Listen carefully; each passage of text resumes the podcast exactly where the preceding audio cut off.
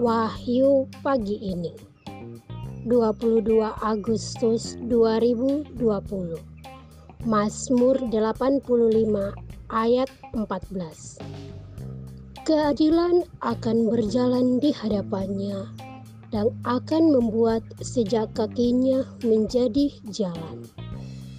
Saudara-saudari, keadilan yang sejati adalah proses menyejahterakan semua orang, bukan kelompok atau golongan tertentu. Inilah yang dimaksud dengan keadilan sosial. Selamat pagi.